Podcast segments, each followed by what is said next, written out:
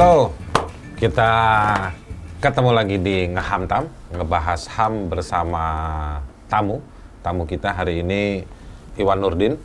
Eh, Iwan Nurdin ini kalau kalian browsing namanya, dia agak-agak bau tanah tuh nama ya kan, karena dia banyak bicara soal eh, hak atas tanah eh, buat orang-orang di desa.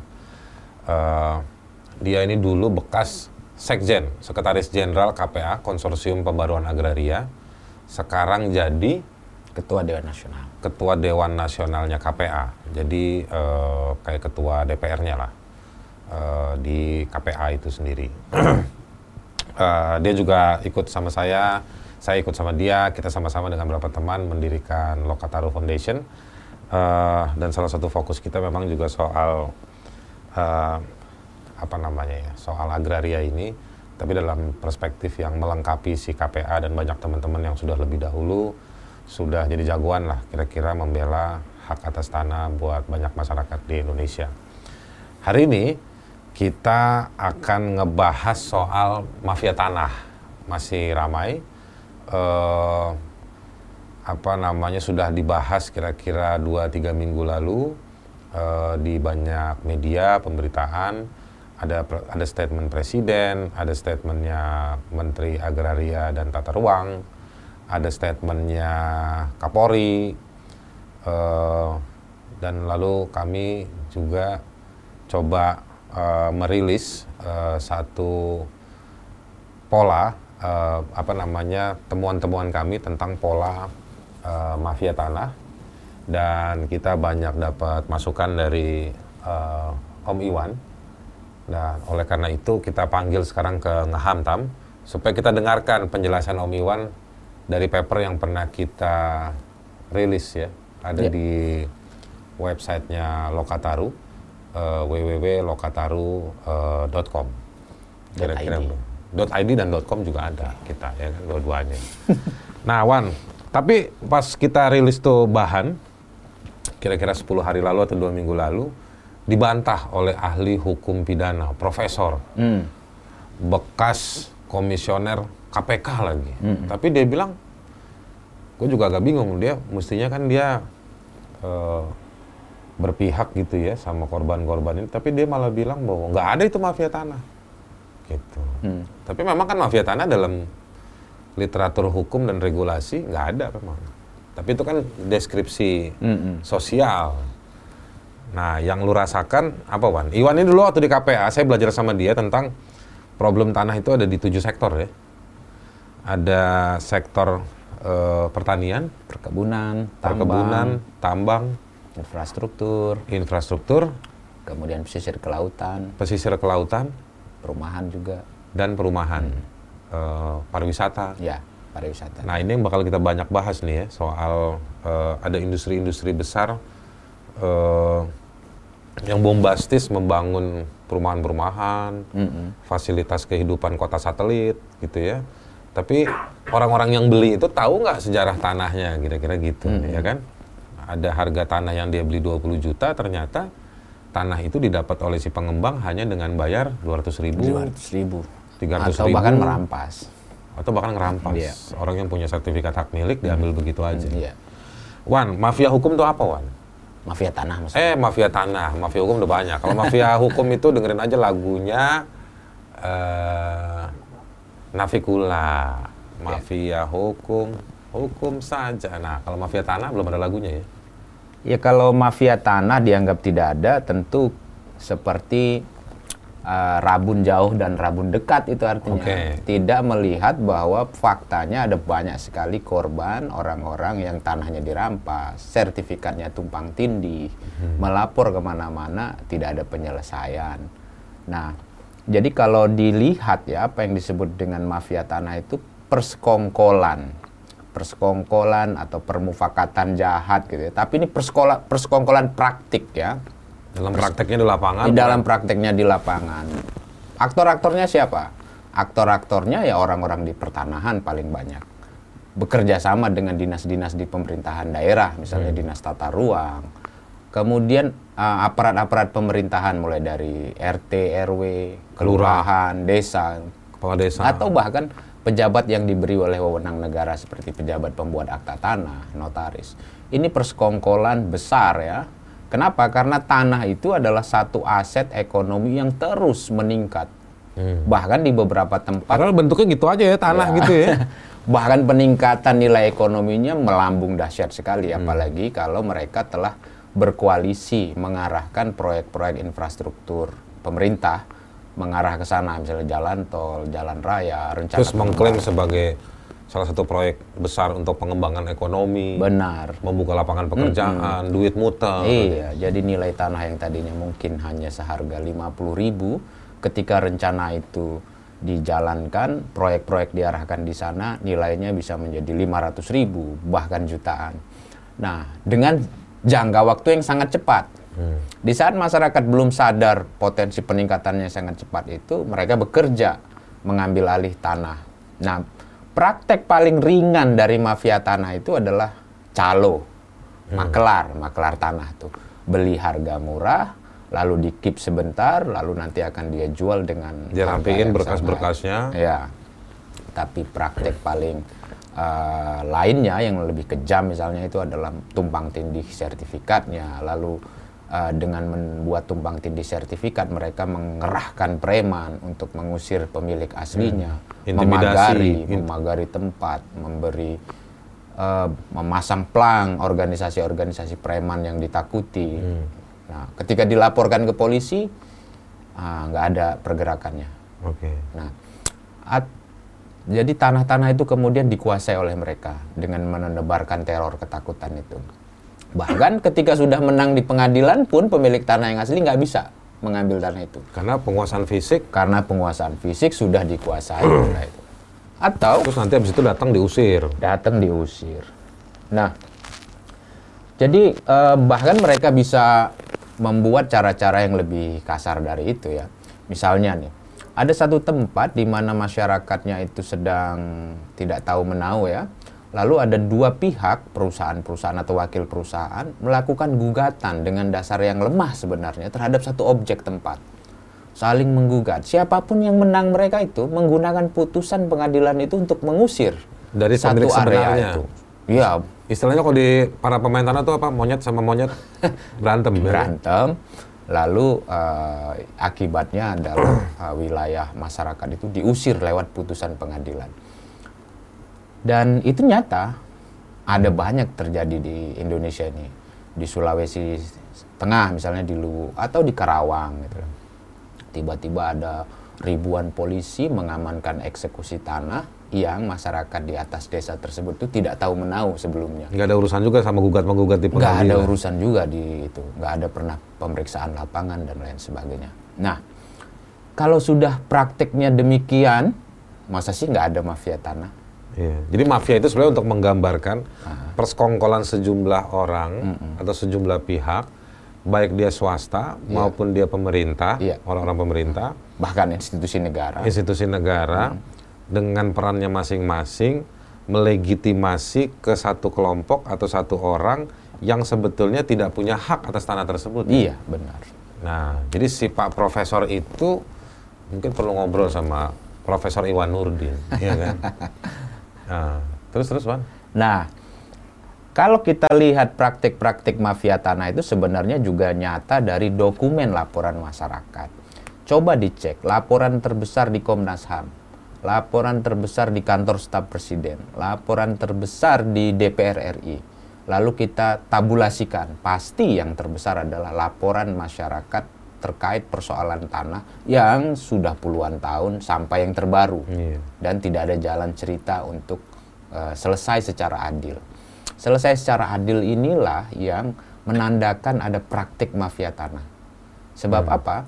Kalau selesai secara hukum saja hanya memenangkan yang besar, ya itu sudah memang begitulah jalan si mafia tanah menggunakan institusi hukum kan? Jadi dia bisa memprediksi sampai kemenangan di pengadilan ya? Iya. Ini tugas juga buat Mahkamah Agung, ya kan?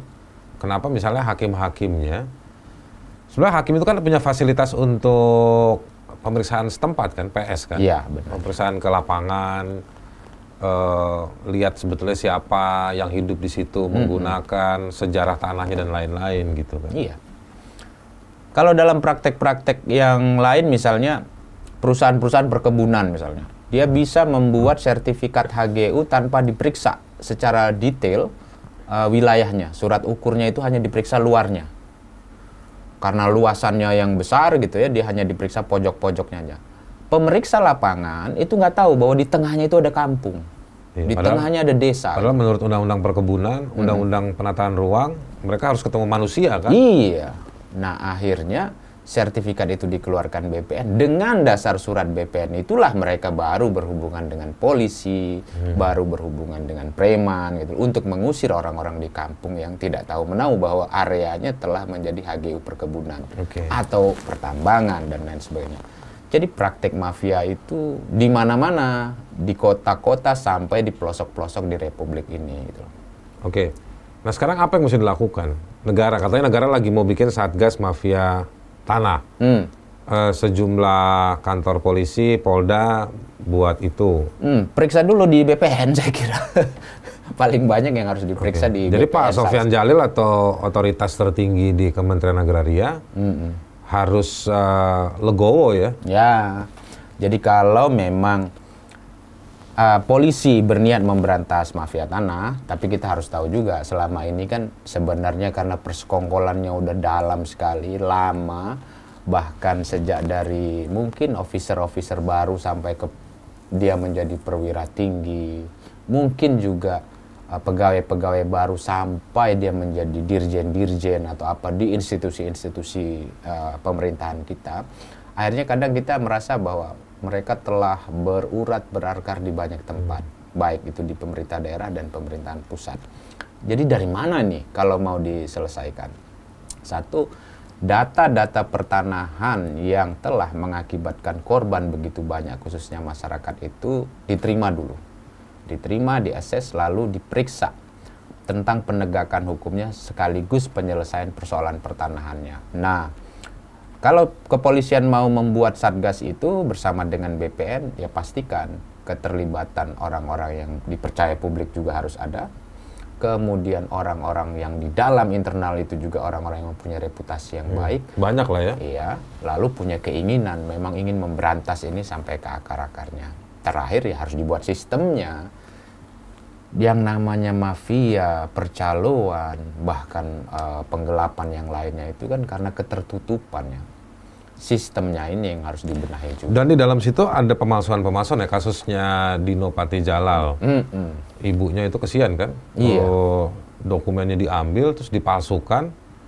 Seolah-olah kalau nggak salah ceritanya sejauh yang saya paham ya, Iya. mungkin Pak Dino nonton saya minta maaf kalau salah. Eh, dikembalikan lagi tapi sudah dipalsukan. Yang dikembalikan adalah yang palsunya, yang aslinya akhirnya diproses sama orang yang pinjem sertifikat Iya. itu malah balik nama dan lain terus ibunya jadi nggak ngerti akhirnya tiba-tiba jadi milik orang lain jadi ada pemalsuan dokumen Iya. dan itu berarti ada keterlibatan satu dua pihak lagi di dalam yang memproduksi dokumen palsu menggunakan dan mengesahkan Benar. Jadi kalau kita lihat praktek yang dialami uh, ibunda dari Pak Dino Patijal kan simple ya. Dia berniat menjual, lalu ada orang yang ber- berminat membeli gitu dengan seolah-olah baik gitu loh. Lalu kemudian saling memperlihatkan sertifikat, dibe- memberi DP dengan melakukan pengecekan sertifikat itulah terjadi proses AJB Di situlah palsu. sela-selanya ya? Iya, sela-selanya. Maksud saya itu simple lah. Kalau orang jadi mafia tanah itu memang jago selain bikin pemalsuan informasi dokumen data memanfaatkan sela-sela sela-sela itu. sela-sela perpindahan tahap-tahapan itu ya? Iya, ketika kita menyatakan berminat, maka kan kita uh, diberi uh, wewenang untuk mengecek si Dikasih sertifikat akses untuk- asli iya. gitu ya. Sebenarnya itu harusnya dilakukan para notaris. Nah, tapi sayangnya kalau para notarisnya bagian dari Iya. rencana jahat ini ya pasti jadi AJB itu bukan ngecek si sertifikat. Nah, maksud saya itu adalah hal yang simple, Pak Haris. Tapi bagaimana orang yang tiba-tiba mau mendaftar tanahnya satu kampung, misalnya yang terjadi di Tangerang, mendaftarkan tanah, tahu-tahu di BPN dibilang bahwa seluruh tanah di kampung itu udah ada NIB-nya dengan nomor orang lain, dengan orang lain yang punya gitu. dan dia beli dari orang lain yang yang tak berantah. Yang nggak tahu, ke Iya. lokasi nggak pernah. itu gimana coba? Iya, nggak pernah ada berita acara pemeriksaan lapangan, Iya. apa ngecek lapangan. Tapi ini katanya yang di Tangerang, saya baru dapat hari ini suratnya dari Kepala Kantor Pertanahan Kabupaten Tangerang, udah diklarifikasi, akhirnya keluarlah surat-surat yang menyatakan bahwa si pemilik-pemilik yang ada NIB itu? NIB-nya dulu itu, Dibatalkan. yang dengan ata- dengan nama V itu, Ah, ah. Udah dibatalkan Oke. dan lagi diproses gitu. Kalau Ya, tapi kan kita harus dengan effort rame-rame seperti Dengan ini. effort yang besar. Bayangkan yang di Pulau Pari. Setuju nggak kalau tetap harus diperiksa yang dulu kenapa bisa muncul dengan nama V itu? Itu Sehar- pasti ada turut serta di dalamnya BPN kan, harus diproses iya. tuh ya. Kalau mau memberantas mafia tanah, begitu. Unsur penegakan hukumnya juga dimainkan. Hmm. Bukan permisif terhadap kesalahan-kesalahan. Apalagi dianggap kesalahan lama itu hanya administratif belaka, ketidaktahuan, kemalasan ngecek lapangan gitu. Tapi akibatnya itu kan orang diambil alih tanahnya. Iya, tegang dia, Iya, diintimidasi. diintimidasi. Yang lebih jauh dari itu kan di Pulau Pari. Iya, betul. Tanah-tanahnya udah jadi sertifikat Iya. gitu loh. dan diusir lah mereka kemarin Iya, bukan cuma NIB-nya toh. Walhi Jakarta dan LBH Jakarta juga. Dari NIB itu udah terbit SHM berarti. Iya.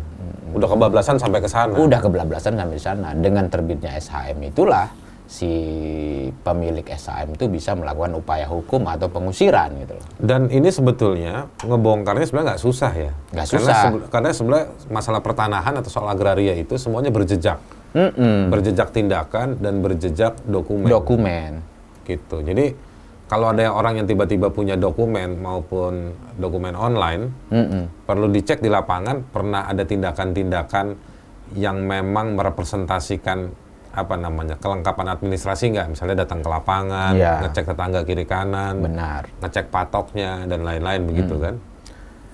Nah, jadi ada akibat masalah-masalah mafia pertanahan itu kan yang paling nyata itu kan orang diambil hak atas tanahnya ya. Bisa sendiri, bisa satu area.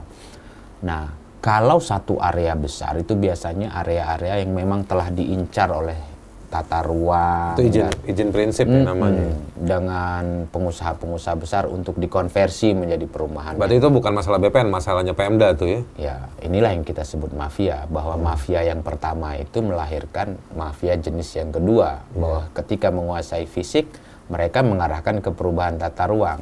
Ketika merubah tata ruang, mungkin mereka juga telah mengarahkan proyek-proyek di daerah itu infrastrukturnya ke sana. Entah itu Padahal jalan. studi tata ruang itu ajak ya. Iya, Artinya ada ilmunya kan? ada ilmunya. Artinya ilmunya akan mengatakan bahwa tempat ini cocoknya untuk apa. Melihat karakteristik, karakteristik masyarakatnya, harusnya lokasi tersebut diberdayakan masyarakatnya untuk apa. Itu idealnya. Tapi- Idealnya, idealnya. itu studinya begitu. Studinya begitu. Tetapi kan sering kali tata ruang kita nganggap ini lahan kalau kita kosongkan betapa bagusnya kalau dibuat semacam apa. gitu. Ini Jadi kayak kasus di Pantai Utara. Eh, misalnya orang mau bikin mau bikin satu luasan satu luasan satu hamparan besar di atas peta lalu ditaruh kayak kita akan bikin eh, industri proper- properti seperti ini seperti ini. Kan di dalamnya itu kan ada orang-orang. Benar. banyak orang-orang juga yang punya SHM di situ. Mestinya kan Pemdanya memberitahu mereka dong. Benar. kasih kan ngecek ke BPN eh di lokasi itu ada eh, Izin lokasi.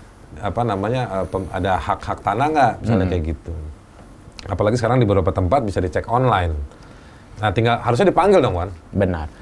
Ini karena gini, izin lokasi kita terhadap uh, satu area yang diberikan kepada perusahaan itu, itu kadangkala itu membuat dokumen itu nggak benar.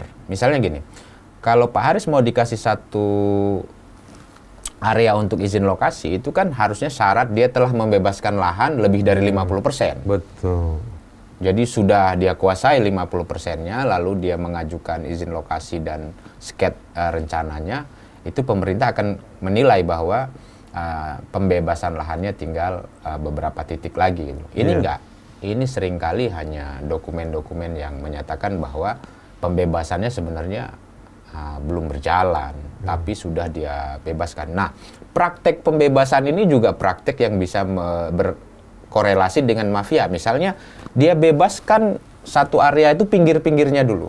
Oh, ngunci. Ngunci dengan preman-preman. Akhirnya orang yang di tengah Terkepung. terkepung, pemagaran dan lain sebagainya. Ini biasa Oke. suasana begitu itu. Jadi mereka ngerayap dari pinggir, Iya. yang tengah terkepung, Akhirnya jual dengan harga dan murah. akhirnya jual.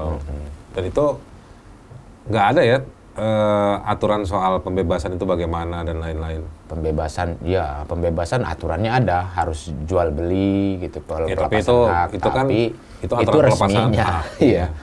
resmi bayangkan kalau satu izin lokasi karena diberikan kepada perusahaan yang berkorelasi sama mafia gitu misalnya ya mafia yang lain gitu ya mafia preman dan lain sebagainya lalu pembebasannya dari pinggir-pinggirnya dulu akhirnya orang harus mutar berangkat kerjanya listrik Hmm. Oke. dimatikan dan seterusnya itu Ada dua hal. Pertama soal eh, keterlibatan.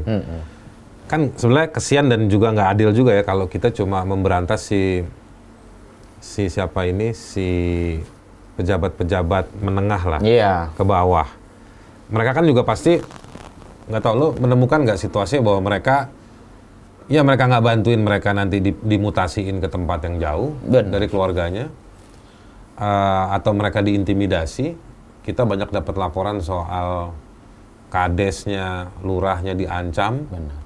Eh, ya memang ada pemberian uang barangkali, tapi itu ya bukan dengan satu kerelaan dari si pejabat lokal itu kali ya. Karena mungkin karena awalnya mereka takut gitu. Nah, artinya kan begini, harusnya yang dibongkar itu bukan cuma kesalahan pejabat negaranya, Mm-mm. tetapi juga siapa orang yang po- punya motivasi atau punya original intent apa namanya niat jahat yang ori- yang awalnya itu mesti dibongkar. Jadi ini satu kesatuan ini yang harus dibongkar kan. Iya.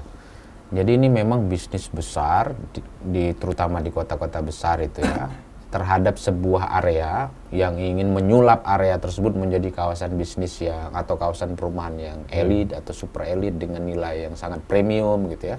Tapi dia ingin membeli tanah dengan cara yang paling murah gitu loh. Nah, apakah membeli dengan praktek begitu itu murah? Benar, murah. ya kita Beli tanahnya murah, beli tanahnya murah. tapi mobil memobilisasi polisi eh, kelompok-kelompok tertentu, institusi-institusi tertentu, Iya. itu pasti kan ada biaya juga. benar. Jadi kalau kita lihat ya memobilisasi kelompok-kelompok tertentu itu apakah kelompok eh, pemerintah, negara dan lain sebagainya itu kan ada biayanya dan bisa lama. Nilainya itu kan semakin lama nilai dia melakukan penyuapan dan lain Dan dosa, itu ya, kan Cuy, dosa ya, kayak. dan dosa apalagi ini urusannya begitu. Sangat mahal. Jadi kita harus periksa lagi cara bisnis semacam itu apakah harus diteruskan atau tidak Iya. dengan cara-cara semacam ini. Kalau sistemnya diperbaiki dibuat transparan memang akan lebih membuat prakteknya itu makin bisa disebut ya efisien dan menguntungkan orang yang mau dibeli tanahnya yang mau dibeli tanahnya yang kedua, apakah setiap bisnis harus mengusir orang yang punya tanah di atasnya? Kenapa nggak ada model-model lain yang diintroduce oleh pemerintah? Misalnya, kalau sebuah area itu mau disulap menjadi kawasan bisnis, kawasan industri, ada beberapa orang yang Nggak mau. nggak mau itu. Apa sih tawarannya? Apakah misalnya dia tetap pindah tapi jadi share saham, jadi ikut memiliki si kawasan itu, relokasi dengan termasuk share saham juga dan dan ini Atau sebenarnya pemberdayaan dia tetap ada di situ, Mm-mm. eh, jadi koeksis. koeksis gitu ya. Jadi ada banyak sebenarnya yang bisa ditawarkan oleh undang-undang tapi tidak pernah dijalankan. Yaitu tadi kepemilikan penyertaan modal lewat Iya. aset tanah yang di awal. Kemudian eh, apa relokasi, relokasi itu ya harus disiapkan orang supaya lebih sejahtera juga. Kan heran, kawasan industri di Tangerang, di Bekasi itu kan dulu membebaskan tanah rakyat ribuan hektar. Ke mana orang-orangnya itu? Kan nggak nggak terlibat sedikit pun dalam praktek pembangunan. Kawasan-kawasan di Jakarta Utara sampai ke Tangerang sama kan? Yang ada pemikirannya adalah orang-orang ini adalah orang yang harus dipindahkan dengan cara yang murah atau diusir dengan cara yang murah tanpa keinginan melibatkan dalam satu praktek pembangunan. Akhirnya ini terus-menerus. Kalau kita periksa ya, kalau ditanya mafia tanah itu kantornya di mana? Di seluruh kantor-kantor pemerintahan itu. Iya, iya. Mereka yang terus eksis karena berpuluh-puluh tahun ya akhirnya isinya dari bawah. Kita ada juga wan laporan gitu. Eh, si kades-kades itu kalau dia tidak mau kerjasama, mereka akan dicarikan kasus-kasus pidananya. Benar. Jadi dana-dana desa itu kan nanti akan dijadikan instrumen untuk mempidanakan mereka. Kesian juga tuh. Teknik kriminalisasi itu kan selalu macem-macem ya. Iya. Nah, kalau di aktivis mungkin begitu. Berarti artinya si Mabes Polri juga mengore- harus mengoreksi dirinya selain BPN. Setuju. Jadi memang di eh, teknik kriminalisasi terhadap area-area mafia tanah, apakah kepada pendampingnya, apakah kepada pejabat setempat, bahkan di dalam BPN sendiri atau di Pemda, ada banyak kan keluhan kepada kita bahwa kalau dia ingin meralat kesalahan-kesalahan yang lampau, Bakal bukannya digugat sama bukan cuma digugat, bukannya promosi yang didapatkan, Hmm, iya, iya. malah didemosi ke tempat-tempat yang jauh gitu loh. Iya, Dan iya. akhirnya ya dia makin takut memperbaiki kesalahan-kesalahan yang lampau. Nah itu gimana itu menjelaskannya? Ini kan mafia kan? Tapi gimana sekarang rejim penguasa hari ini ingin banyak membangun industrialisasi di berbagai bidang, termasuk dalam soal pro- properti. Mm-mm.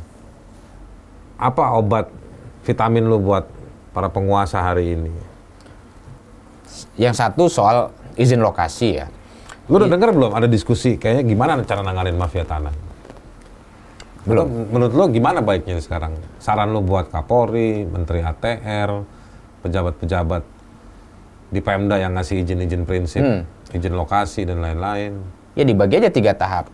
Satu terhadap rencana-rencana ekonomi besar yang berputar di situ, apakah kawasan ekonomi khusus, kawasan industri, atau rencana-rencana pengembang besar di sebuah lokasi. Disiapkan satu area di mana semuanya kita bisa antisipasi bagaimana praktik mafia tanah bekerja dan bisa dihilangkan. Misalnya, kalau proyek pengadaan tanah atau pembebasan tanah. Selama ini kan pemerintah membagi tiga tuh harga.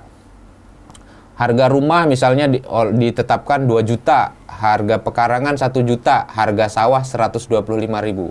Orang awam akan nganggap ya normal begitu. Tetapi prakteknya di lapangan kan menjadi nggak normalnya begini. Kamu saya tulis tanah sawah loh kalau nggak ngasih fee.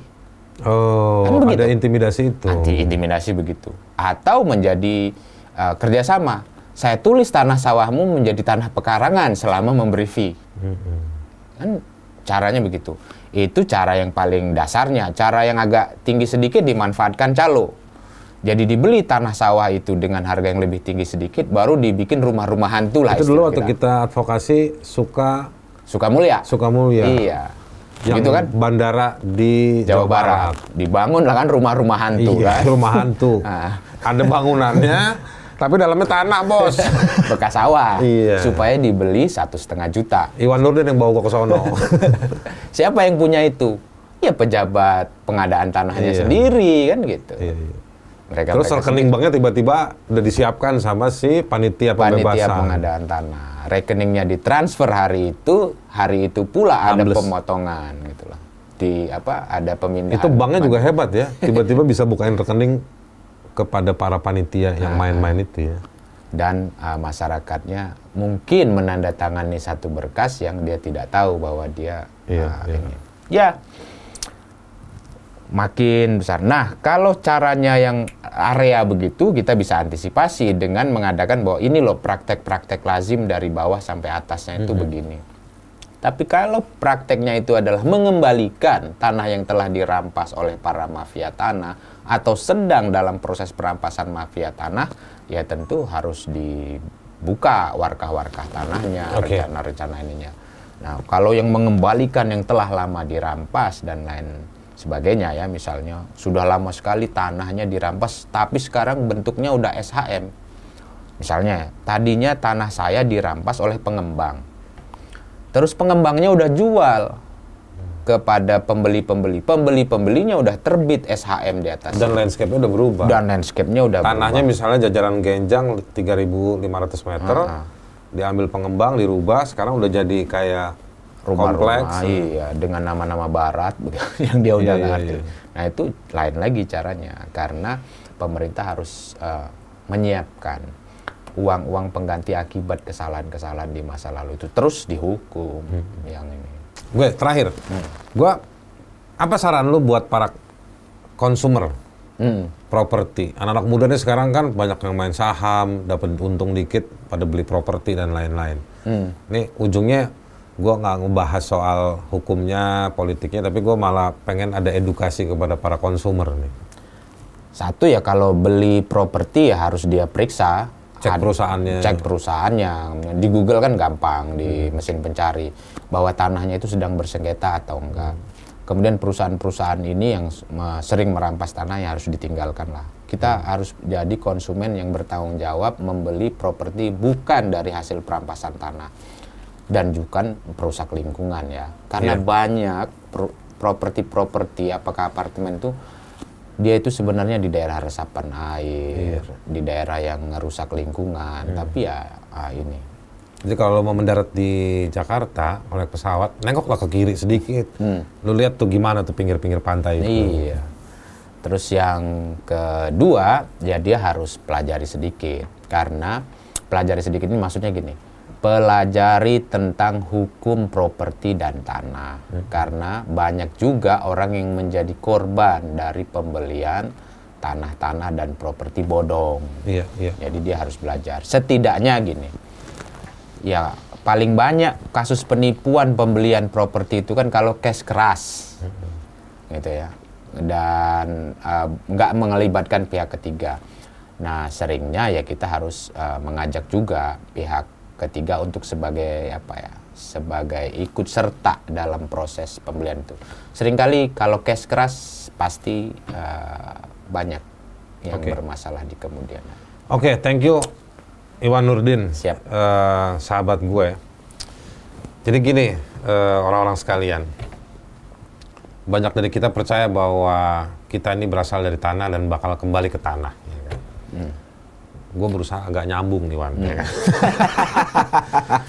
Nah, jadi kalau percuma lu anak muda ya kan banyak gaya uh, jajan banyak di warung kopi gitu punya uang dikit mau beli properti atau beli apartemen apa segala macam lu resah sama kehidupan politik lu anggap ini nggak juntrung ya udah kalau lu nggak mau pusing tapi uh, kalau misalnya lu nggak mau capek dengan bagaimana memperbaiki situasi, paling nggak lu jangan ikut membuat tambah suram situasi ini dengan cara menghidupkan uh, praktek bisnis yang yang sarain orang. Ya.